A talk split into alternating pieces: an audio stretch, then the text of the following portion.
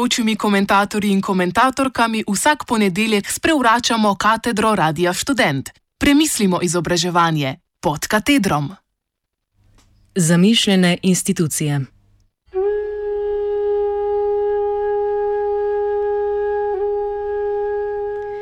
Britanska socialna antropologinja Mary Douglas s prevodom besedila Kako mislijo institucije, kot nenaznanjena padalka stopa med slovenske bralce.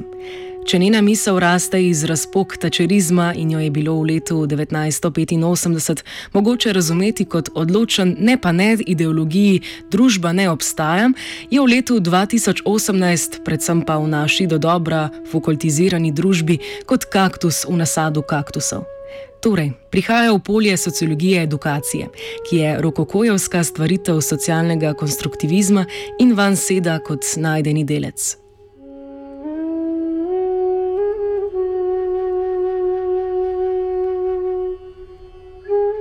Teorija in njena metoda delujeta obenem zelo domače in zelo tuje.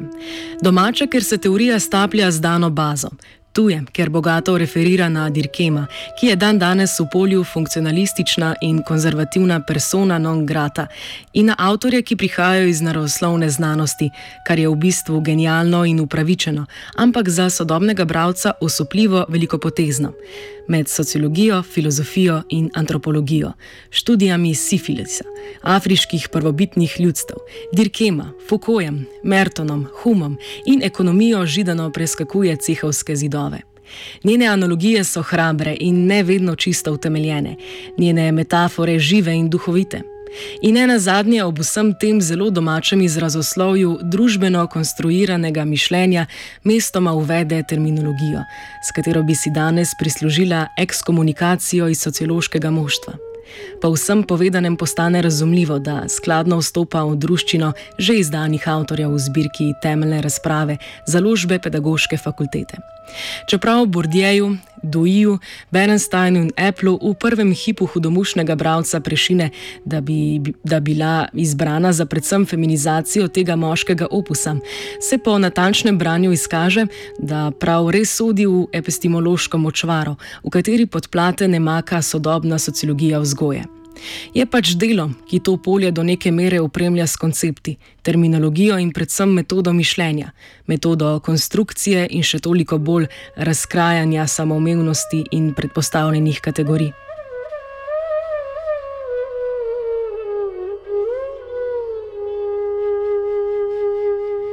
Besedilo je zapis niza šestih predavanj, ki jih je imela Mary Douglas na Univerzi Syracuse. Namen besedila je povzela z besedami: Potrebujemo teorijo institucij, ki bo popravila trenutni nesociološki pogled na človekovo spoznavanje, hkrati pa potrebujemo tudi spoznavno teorijo, ki bo dopolnila slabosti institucionalne analize. Poskušam razumeti teoretično in logično sidrišče, ki bi ga potrebovala za predstavitev koherentne utemelitve o družbenem nadzoru spoznavanja.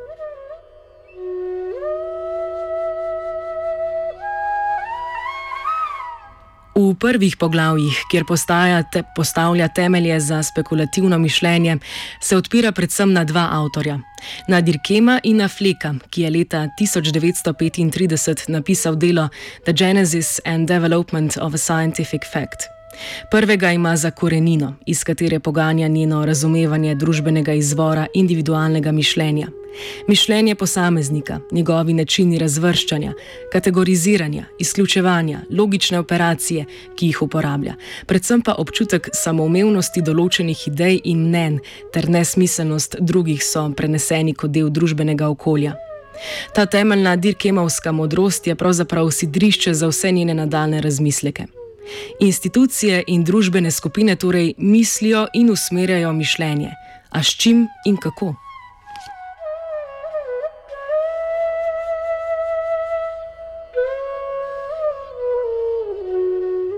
Fleck, ki ga avtorica postavi ob bok Bernsteinu, pa svojo idejo miselnega kolektiva, ki je analogen Dirkemovi družbeni skupini, gradi na osnovi svojega raziskovalnega dela s sifilisom. Njegova tema je znanstveno odkritje, pri čemer poudarja nujnost znanstvenega okvirja, ki podpre, oziroma ja, tako podpre določeno laboratorijsko prakso, pomembnost javne podpore in obstoja občinstva za določena odkritja. Pravilnost in odmevnost znanstvenega odkritja nista odvisni le od objektivne dejanskosti, temveč predvsem od skladnosti v znanstvenem in javnem svetu. Kategorija spoznanja je pravilna le v odnosu do že vzpostavljenega konkretnega spoznavnega okvirja, ki to odkritje zmore asimilirati v določeno spoznavno strujo.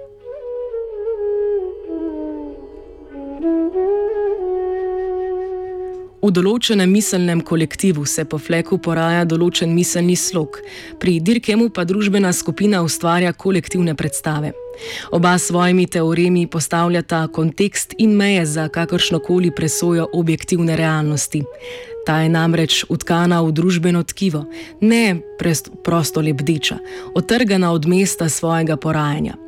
Spoznanje se torej institucionalno ureja. Vprašanje, ki se predoči, pa je, kako se institucionalno ustvarja spoznanje in kako se spoznava institucije. Torej, če banaliziramo, kaj je bilo prej? Spoznanje ali institucija, oziroma kaj od obojega je derivat drugega.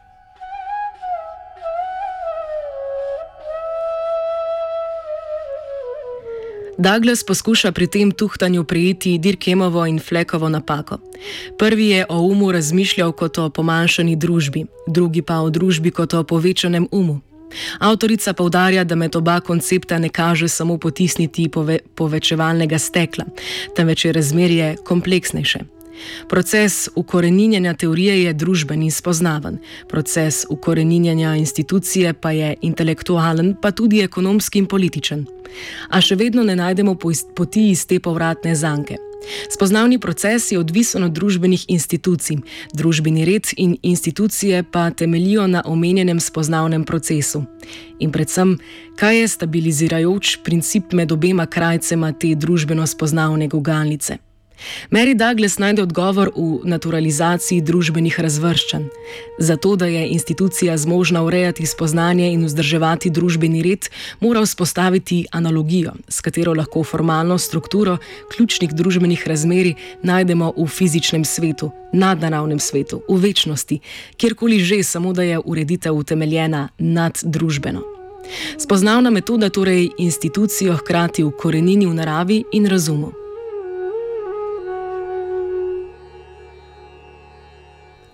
Institucija torej upravlja nalogo stojala za te analogije in s tem razvoja koherentne scheme, znotraj katere so urejene vse informacije, spoznanja, odkritja. Znotraj scheme so urejene očitnost, samoumevnost, enakost in različnost, skladnost in neskladnost. Schema ureja tudi javni in individualni spomin ter pozabo.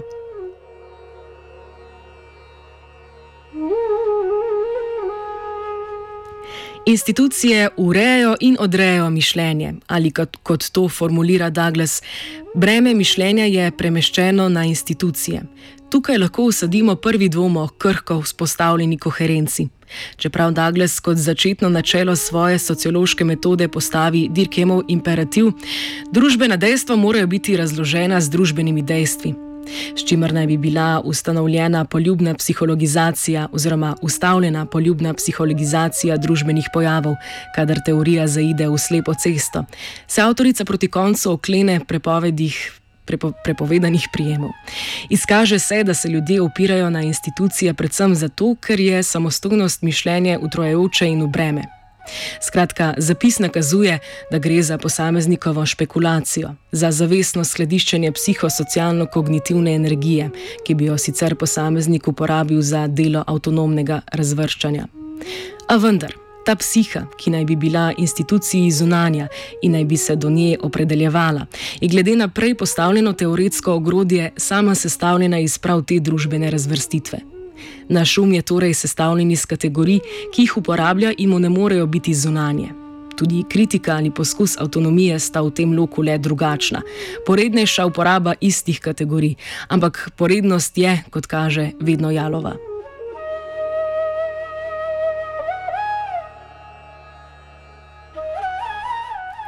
Avtorica sicer jasno izpostavi, da ljudje niso pasivni agenti in se s tem oddaljuje od napak funkcionalizma in obenem, da niso posem avtonomni agenti, kot predpostavlja teorija racionalne izbire. A nominalna postavitev na ravnotežno točko med obojimi ji teoretsko nekako ne uspe. Mogoče je problem v tem, da so njene institucije koncipirane kot prazni, migajoči označevalec in se jih torej ne da trdno zagrabiti in postaviti na neko mesto, kjer najdejo agenta kot institucionalno oblikovanega in obenem institucijam zunanjega, od njih avtonomnega. V besedilu je tako institucija koncipirana na nešteto načinov, kot sredstvo, skozi katerega razmišljajo ljudje. Na drugi točki je institucija tista, ki opravlja razmišljanje na mesto ljudi. Na tretji, ljudje razumejo institucije, ki opravljajo večino mišljenja. Na četrtem mestu piše, da odločitve sprejemajo legitimirane institucije. Na petem, da so podaljšek spoznavnih funkcij. Na šestem mestu imajo ljudje v institucijah določeno članstvo. Na sedmem ljudje sprejemajo odločitve znotraj institucij, ki pa jih gradijo sami.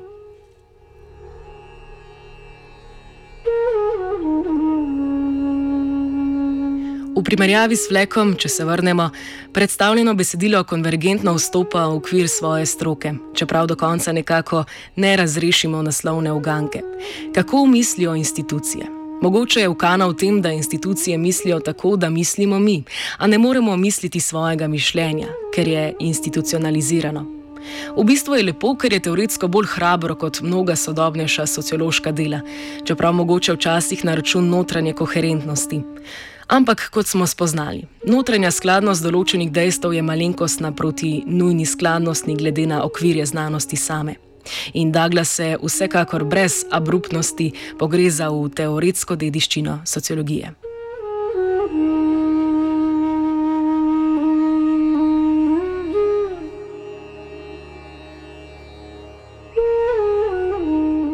Zamišljene institucije je mislila Lucija.